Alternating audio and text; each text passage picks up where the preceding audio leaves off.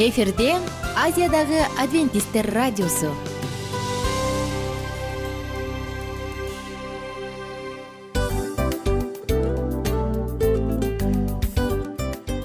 Достор салют. Баардык сүйүктүү угармандарыбызга салам айтабыз. Кутман күнүңүздөр менен. Ден соолук өмүрдүн булагы демекчи саламат саамы программасында баарыңыздарды көргөнүбүзгө абдан кубанычтабыз. Анда алгач амандашып өтөлү арбаңыздар деп. Ден соолугуңуздар кандай элибизде көбүнчө ден соолук кандай дегенде эле жакшы деп жооп беребиз э ооруп турсак дагы жакшы дейбиз. Анан мен муну айтып ойлойт элем бул абдан сонун сөз депчи анткени бул жакшы деген үмүт да э ооба баары жакшы болот баары сонун. Деп үмүттөнүп атып эле өзүбүздү өзүбүз дарылап коебуз.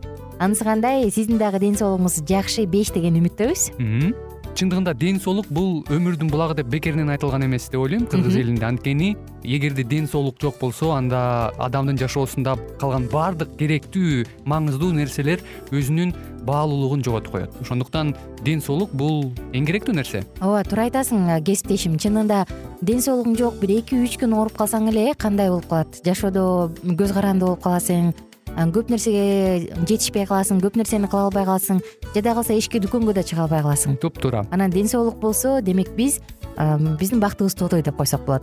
Анда достор саламат саамы рубрикабызды баштайлы. Алдыда өзүңүзгө керектүү болгон сонун кеңештерди уга аласыздар. Мына ошондуктан биз менен бирге болуңуздар. Ал эми биз болсо милан жана айнура. Кеттик алга. Алга саламат саама ден соолуктун жарчысы. Саламат саама ден соолуктун ачкычы. Күн сайын сиз үчүн мыкты кеңештер сонун жаңылыктар кызыктуу фактылар биздин рубрикада.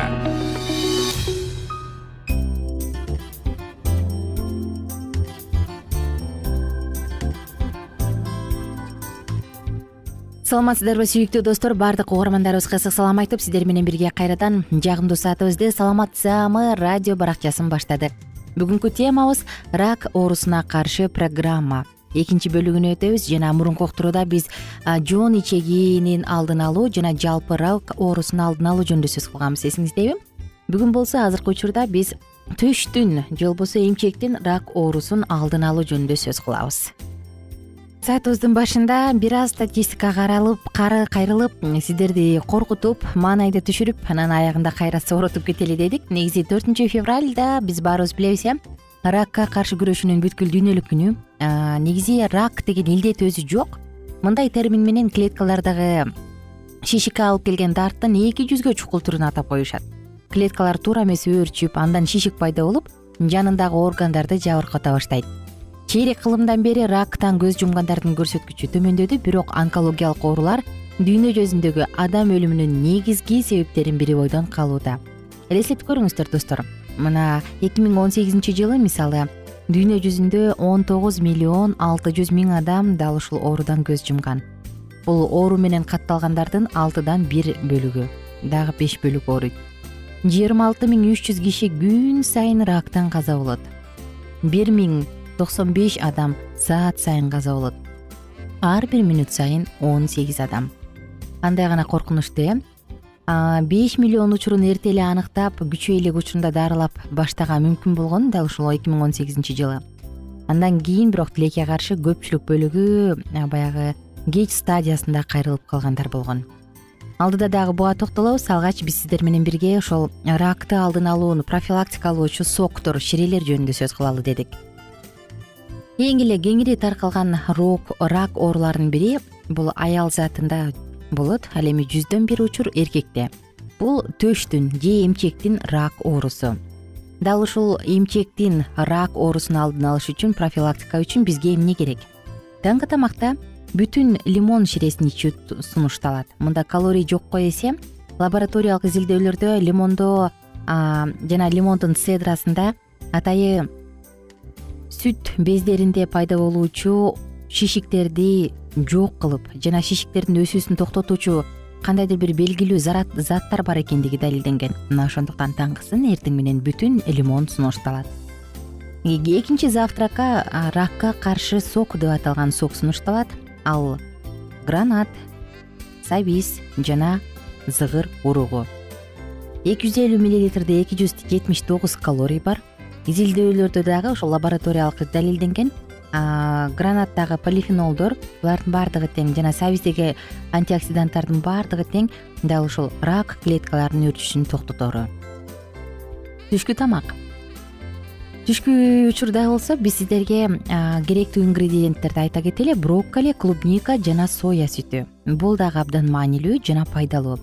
Түштөн кийинкиде алма ширеси. Алма лимон ширеси гана керек ал эми кечкиде куркуманын настою же тунтурмасы ингредиент бизге майдаланган куркума керек жана лимон ширеси. Мында калорий жокко эсе эң күчтүү антиоксидант жана сезгенүүгө каршы сезгенүүгө каршы мыкты каражат болуп саналат. Кадимки эле куркума жана ошондой эле достор айымдар үчүн айта кетели төштүн рак оорусун алдын алууда бизге кызыл этти аз пайдаланганыбыз абдан пайдалуу маанилүү. Өтө эле аздан да колдон келсе таптакыр жебей эле койгон жакшы. Ошондой эле транс майларды гидрогендирилген майларды бул фаст фуд гамбургер маргарин сатыкта турган таттуулар э жасалма кошулмалар булардын баардыгын жебей эле койгон жакшы. Ошондой эле алкоголдук суусундуктардан баш тартуу маанилүү. Булардын баардыгы тең. Сөзсүз түрдө рак оорусунун күчөшүнүн алдын алат. Дагы карай турган болсок кандай гана ширээ болбосун баардык ширеге баардык суусундуктарга лимондун цедрасын майдалап ичкен дагы бул да жакшы. Семирүүдөн баш тартуу маанилүү балдарды эмчек эмизип тамактандыруу кичинекей баягы жаңы төрөлгөн ымыркайды сөзсүз эмчек эмизген жакшы. Жана ошондой эле гормон гормонду алмаштыруучу терапиялардан качыңыз бул дагы сизге сунушталат кийинки кезекте простатанын рак оорусун алдын алуу жөнүндө программабызды айтып берели. Рак простата мырзалардын эң эле чоң коркунучу деп айтсам жаңылышпастырмын бизге таңкы тамак үчүн соя сүтү керек. Эки жүз элүү миллилитрде жүз отуз бир килокалорий бар. Булардын баардыгы тең. Дал ушул ракты алдын алат. Экинчи тамагыбыз воспаление же сезгенүүнү төмөндөтүүчү шире.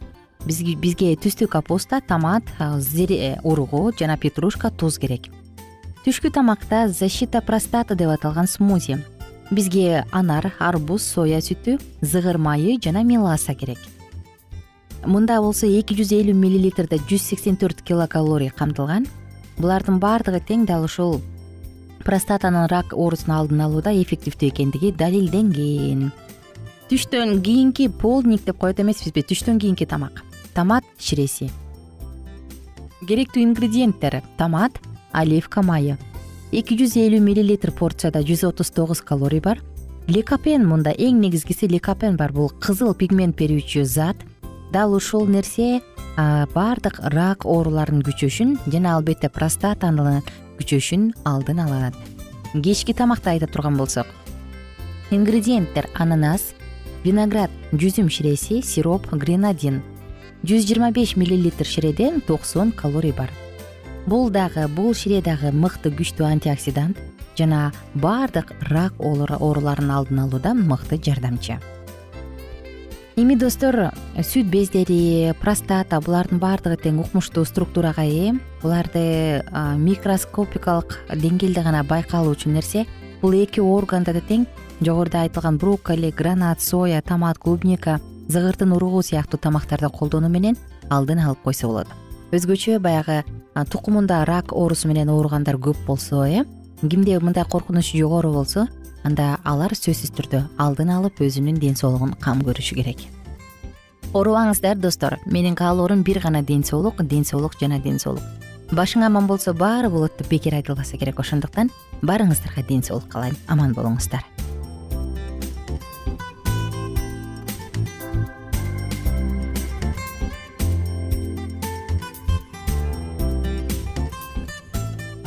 кененирээк маалыматтар үчүн үч w чекит саламат чекит клуб сайтына келип таанышыңыздар.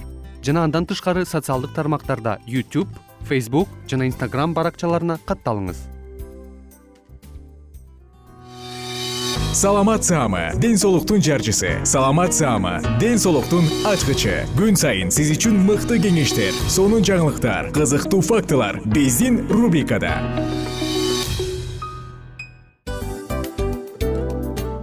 салам достор. Кайрадан биздин сүйүктүү рубрикабызга кош келиңиздер деп айтмакчыбыз. Баардык замандаштарыбызга арбаңыздар деп саламыбызды айтабыз. Улуу ушундай бир урматтаган учурашуу менен анан дил маек радио баракчабызга чакырабыз. Негизи дил маек биздин рубрикабызда эмне жөнүндө кеп кылабыз бул дил маектин мааниси эмнеде рубрикабыз менен кичине тааныштырып кетсеңиз. Сөзсүз түрдө тааныштыра кетейин кесиптешим суранычы боюнча бул учурда бул радио баракчада биз ар тарап кесип ээлеринен сонун кеңештерди алабыз сүйлөшөбүз сырдашабыз. Аталарыбыздын эжелерибиздин апаларыбыздын кеңештерин угабыз айтор. Жан дүйнөгө адамдын э, сапатына адамдын деги эле адам болуп жашашына керектүү баардык кеңештер алдыда. Негизи э, дил маек дегенде баягы эки адамдын ортосундагы сырдашуу кенен сүйлөшүү. Негизи эле биз адамдар бири бирибиз менен бир жерге жай жерге отуруп алып өзүнчө тынч жашоо жөнүндө өмүрүбүздө эмне болуп атканын бөлүшкөнү жакшы көрөбүз э адамдар. Ооба туура айтасың анан мындай учурга кээде убакыт да жетпей келет э. Же болбосо сырыңды кайгыңды муңуңду кубанычыңды айткың келет адамга ишенбешиң мүмкүн. Ооба. А бул радио баракча угармандарыбыздын чыныгы досу. Анткени бизден алган кеңеш сиздин жашооңузга чоң жардам берет. Ал эми сиздин бизге айта турган сөзүңүз ортодо гана сыр бойдон калат. Ошондуктан биздин дил маек рубрикабызга дагы бир жолу кош келиңиздер. Жана биз даярдаган маалыматтарга даяр болуңуздар. Айнура жана милан сиздер менен бирге алдыга кеттик ар түрдүү ардактуу кесип ээлеринен. Алтын сөздөр жүрөк ачышкан сыр чачышкан сонун маек. Дил маек рубрикасында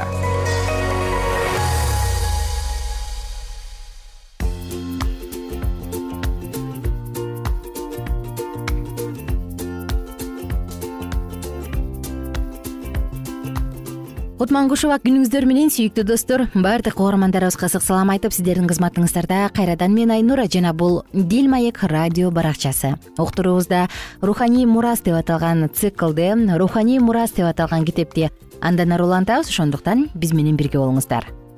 Дин кызматчы элезардын уулу пинхас менен уруу башчылары гилат жериндеги рубейин гат уруусунан канаан жерине кайтып келип алардын ушул жообун ысрайыл жамаатына айтып беришти. Ысрайыл калкы алардын жообун укканда ыраазы болуп кудайга шүгүрчүлүк келтирди. Алар рубейин гад уруулары жашаган жерге барып согушуп аларды кыйратабыз деген сөзүн токтотту рубейин гад урууларынын эли жараткан эге алардын да биздин да кудайыбыз экендигине ушул курманжай күбө болсун деп аны күбө деп атап алды. Жашиянын элге айткан акыркы насааттары. Жараткан эге ысрайыл элинин айланасындагы душмандарынан арылтып элге тынч күндөрдү бергенден бери көп жылдар өттү. Жашиянын да жашы өтүп абдан карыды жашия бүт ысрайылды аксакалдарды журт башкаруучуларын казыларын төрөлөрүн чакырып аларга мен картайдым жашым да эңкейип калды деди. Кудайыңар жараткан эге бөтөн элдердин башына эмнелерди салганын өз көзүңөр менен көрдүңөр. Кудайыңар жараткан эге силер үчүн өзү согушту.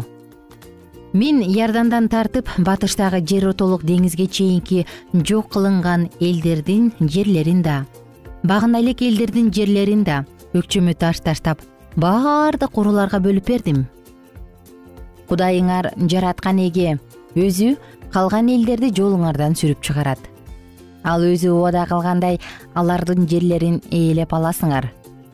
Ошондуктан кайраттуу болуп мусанын тоорат китебинде жазылган мыйзамдардын баардыгын бекем сактап так аткаргыла алардан оңго да солго да четтебегиле араңарда калып калган бөтөн элдер менен аралашпагыла алардын кудайларынын ысымдарын оозго да албагыла аттарын оозанып ант бербегиле.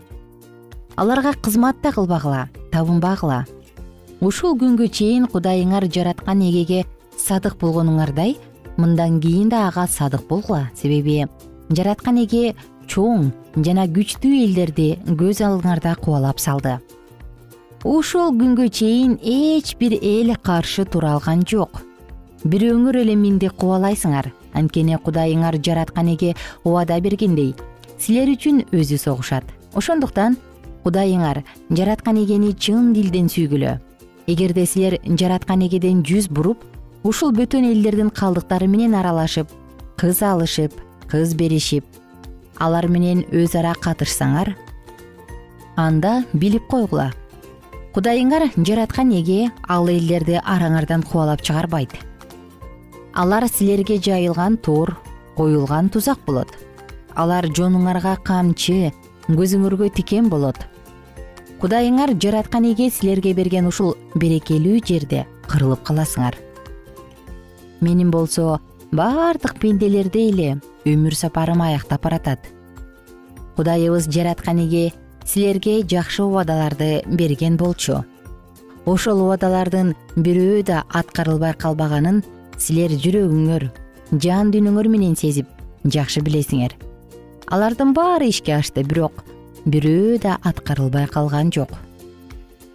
Кудайыңар жараткан эге силерге кылам деген жакшылыктарын кандай аткарса өзү берген берекелүү ушул жерди силерди жок кылмайынча силерге эскертип айткан баардык жамандыктарды да ошондой башыңарга салаарын билгиле.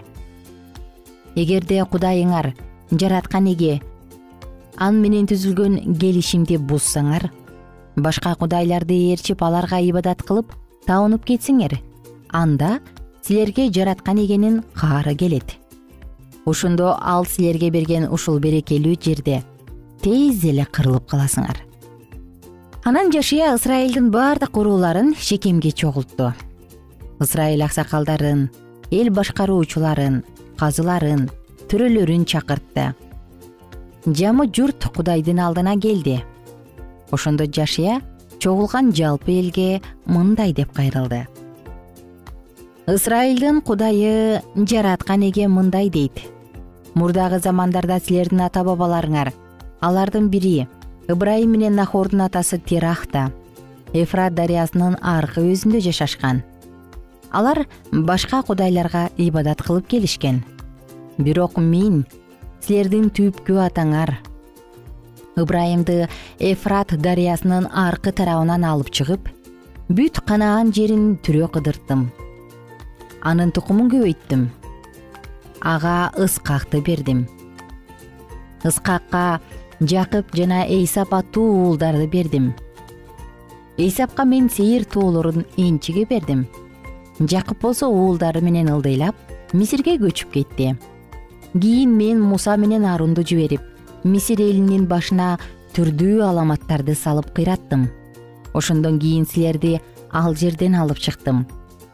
Ата бабаларыңарды мисирден алып чыгып алар кызыл деңизге жеткенде мисирликтер аталарыңардын артынан согуш арабалары сарбаздары менен кубалап барышты.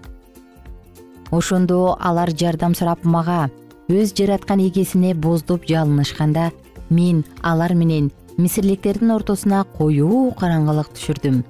Мисирликтердин үстүнө деңизди каптаттым аларды чөктүрттүм. Мисирликтерге эмне кылганымды силер өз көзүңөр менен көрдүңөр. Ошондон кийин силер узак убакыт чөлдө жер кезип жүрдүңөр. Ардактуу достор бүгүнкү уктуруубузду мына дал ушул кызыктуу жерден улантабыз. Кийинки уктуруубузда баардык болгон окуяны андан ары бирге улантабыз. Достор кааларыбыз көңүлдүү күн. Бүгүнкү күнүңүздөр дагы жемиштүү мыкты маанайда улансын. Жараткан кудай аалам жердин ээси ар бириңиздерди алкыштасын жана сактасын. Бар болуңуздар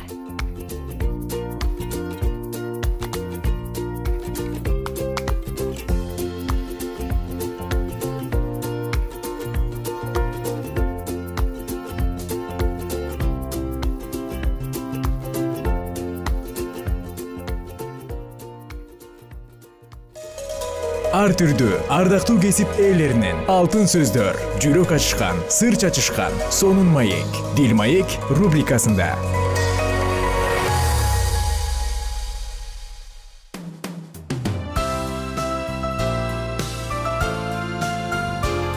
Эфирде азиядагы адвентисттер радиосу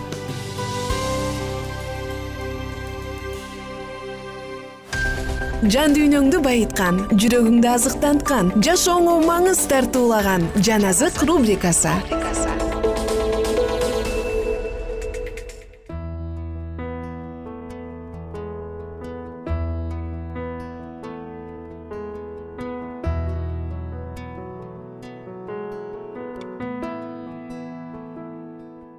Кутман күнүңүздөр менен кадырлуу замандаштар жалпыңыздар менен жаназак радио баракчасындабыз. Жана бүгүн сиздер менен тип жана анын шам чырагы деп аталган аңгемени улантабыз.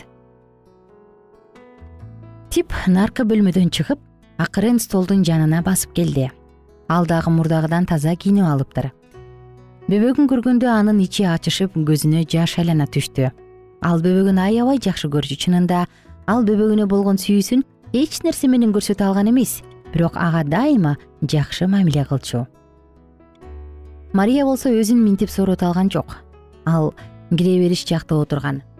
Бөбөгү ыйлаганда сооротконун ордуна аны жулкулдатып терметкенин эстеп өкүнүп жатты. Эх бөбөгү кайра тирилсе аны түнү бою болсо да эч нааразы болбой бакканга даяр эле. Бирок ошол күнү ал өтө кеч болуп калды деген сөздөр ушунчалык ачуу сөздөр экенин биринчи ирет сезди коңшулар биринин артынан бири кирип жатып кичинекей ашканага киши толуп кетти леви айым дагы өзүнүн бөлмөсүнөн чыгып ыйлаганын көрсөтпөш үчүн күйөөсүнүн креслосунун артындагы караңгы бурчка барып отурду. Баары чогулгандан кийин гольбрук мырза ордунан туруп китебинен окуй баштады. Анын үнүн уккан тип башын көтөрүп кунт коюп тыңшап калды. Ошондо мен тактынын алдында турган өлгөндөрдү чоңдорду да кичинелерди да көрдүм деп андан ары ошол күн тууралуу окуп барып өлүм деген болбойт ый деген өкүрүк деген оору деген болбойт. Анткени мурункунун баары өтүп кеткен деп аяктады гольбург мырза. Анын андан кийинки сөздөрү абдан жөнөкөй болчу жана ошондой эле кайрадан тип ушул акыркы күндөрү ойлонуп жүргөн бейиш тууралуу эле. Ал өмүрүндө башка эч бир нерсе жөнүндө ушунчалык олуттуу ойлонуп көрбөсө керек. Жекшембилик мектептен пер эженин тирүүлөй көмүлүп калган шахтерлор тууралуу аңгемесин уккандан бери тип ушул нерсе тууралуу көп ойлонуп калган. Бейишке кантип кирүүгө болот? Кичинекей бөбөгү азыр бейиште болду бекен ушул кедей самтыраган кийимчен тип бейишке кире алат болду бекен деги эле аракет кылып көрүүгө болобу? Анын каалаганы деги эмне? Тип мындан ары минтип жашай албай тургандыгын даана билип жатты. Ал жашоосун өзгөртпөсө болбойт пастор типтин кичинекей бөбөгү кеткен укмуштуу өлкө тууралуу. Анын ыйлап жаткан жакындарынын баарын алардын кичинекей периштесинин жанында болуу үчүн чакырган ошол бөбөктү кабыл алган куткаруучу жөнүндө айтып жатты. Тип көзүн жашылданта угуп жатты. Бир аз күн мурда анын жан дүйнөсүндө жаралган кандайдыр бир каалоо барган сайын даанараак формага ээ боло баштады. Мен өзгөргүм келет өзгөргүм келет деп айтып жатты ал өзүнө. Мен муну бүгүнтөн баштайм насаат сөз бүтүп сыйынгандан кийин баары келип бөбөк менен коштошуп жатышты. Андан соң кичинекей табытты көтөрүп мүрзөнүн көздөй жөнөштү. Табыттын артынан анча деле көп эмес киши капалуу ээрчип бара жатты. Казылган көрдүн четинде бийик өскөн чөптөр баштарын ийип карт мажүрүм талдардын бутагында коңгон чымчыктар үн салып жатышат. Асманда болсо периштелер өздөрүнө дагы бир периште келип кошулганына кубанып ырдап жатышса керек келген кишилердин баары тарады бирок тип дагы деле коштошо албай жатты. Ал дагы бөбөгүнүн артынан баргысы келди бирок кантип пастор типти көрүп колун анын ийнине койду да. Убактысы келгенде сен иниңе жолуга аласың эгер кааласаң деди. Тип башын көтөрүп пасторду карады бирок башын кайроо дароо эле төмөн салды. Ал ага жолугуу үчүн эмне кылышым керек деп аябай сурагысы келген. Бирок сүрдөгөндүктөн антип сураганга күчү жетпей койду. Пастор кудай сага ак батасын берип өзүнө жакындатсын деди да ары басып кетти. Тип токойду көздөй жөнөдү. Ал кайра мүрзөгө келгенде баары үй үйлөрүнө тарап ал жакта эч ким жок болчу. Ал инисинин бул жерде эмес өзү да барууну самап жүргөн асманда жүргөнүн элестетүүгө аракет кылып жатты тип кичинекей болсо да сыйынууларды көп уккан. Өзгөчө жешембилик мектептен сыйынгандарды көп көрчү ошондой эле бейишке кирүүнү каалаган адамдар жардам сурап кудайга кайрылышы керек экендиги жөнүндө билгенинен улам кудай жөнүндө да жакшы билчү. Бирок кудай тип левини угат болду бекен ал эмне кылаарын билбей бир азга турду да ары жак бери жакты карап жер астындагы бөбөгү менен асмандан аны карап турган кудайдан башка эч ким жок экенине көзү жетип тизесин бүгүп калтыраган үн менен. Асмандагы ата ысымың ыйык тутулсун деди да тык токтоду. Бул сөздөрдү ал жатка билчү бирок бул сөздөр анын чын жүрөгүнөн чыккан сөздөр эмес эле. Бир аз унчукпай туруп анан ал кайрадан ыйса мен деген кайрадан такалып калды. Кантип айтыш керек? Мен жакшы бала болгум келет. Мен жаман баламын бирок мен өлгөндөн кийин бөбөгүмдүн жанында болгум келет. Анткенде анын жанында булаларымды мага көрсөтүп койчу. Тип биринчи жолу жалгыз сыйынды. Мурда мектептеги балдар менен чогуу сыйынып калчу бирок ал жаттап алган сыйынуулар эле. Ал өмүрүндө биринчи жолу чын дилинен сыйынды бирок тип левинин кудайдын өзүнө кайрылуусу өтө эле аша чапкандык эмеспи? Ал типтин сыйынуусуна кулак салат болду бекен жекшемби күнү эртең менен тип эми мурдагыдай эмес башкача болуп калгандай сезим менен ойгонду кеч эмне болду эле? Ал эми баягы көчөдө жүргөн самтыраган кийимчен тип леви эмес. Эми ал жаңы жашоого кудуреттүү коргоочунун карамагына өткөнүн акырындап эске түшүрө баштады. Тип жекшембилик мектепке барууну ойлоду. Пери эженин анын жашоосун толугу менен өзгөрткөн баягы аңгемесин уккандан бери ал мектепке бара элек эле андан бери эки жума өткөн. Ал перини дагы бир жолу көрүүнү самады. Бирок ал бул жактык эмес экенин ошол жекшембиде мектепке кокусунан эле келип калганын билчү. Күн кыйла көтөрүлүп калыптыр. Бир саат бир топ эле болуп калганын билсе да шашпай кийинип жатты. Керебетке отуруп алып курткасын карап ичин каратып алсам кандай болот? Ичин каратып кийип алсам окшойт деп ойлоду да курткасын чын эле которуп кирди бирок бул туура эмес экенине дароо эле көзү жетти. Дал ушул жерден саатыбызды токтотобуз жана кийинки уктурууда кайрадан кызыктуу окуяны бирге улантабыз биз менен бирге болуңуздар.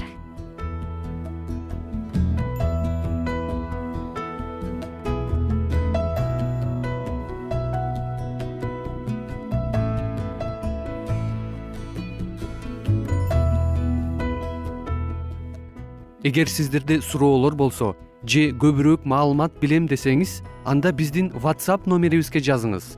Плюс бир үч жүз бир жети жүз алтымыш алтымыш жетимиш. Кайрадан плюс бир үч жүз бир жети жүз алтымыш алтымыш жетимиш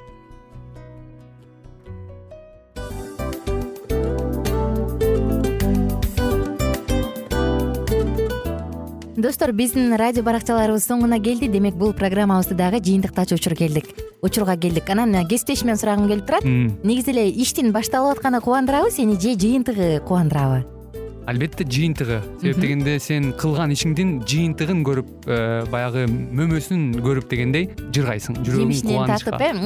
Кандай даамдуу деп. Баягы буудай сепкенде эмес буудай эгинди жыйнагандан кийин ысык нанды жегенде кадимкидей ырахаттанасың го. Ой айтпа туура айта кеттиңиз. Сонун салыштыруу болду анан мен дагы абдан кубанып турам. Анткени биз угармандарыбыз үчүн аябай эмгектенип келген уктуруубуздун соңуна келип калдык анан эми уктуруубуздун соңунда угармандар кандай пайда алып калды экен деп күтүп турам да. Балким э, менин жашоомо өзгөрүү киргизе турган сонун сөздөр болду. Мен ушул нерсени изилдеп анан кабыл албасам ушул нерсени кылбасам деген чечим чыгарсаңыз анда биз абдан кубанычтабыз. Сөзсүз түрдө андыктан кийинки биздин кызыктуу уктурууларыбыздан көрүшкөнчө сак саламатта калыңыздар. Чыдамсыздык менен сиздерди мен милан жана кесиптешим айнура күтөбүз. Баардык угармандарыбызга ийгиликтүү күн каалайбыз качан гана болбосун уртуңуздан жылмаюу кетпесин үйүңүздө көмүр жүрөгүңүздө көңүл болсун дейли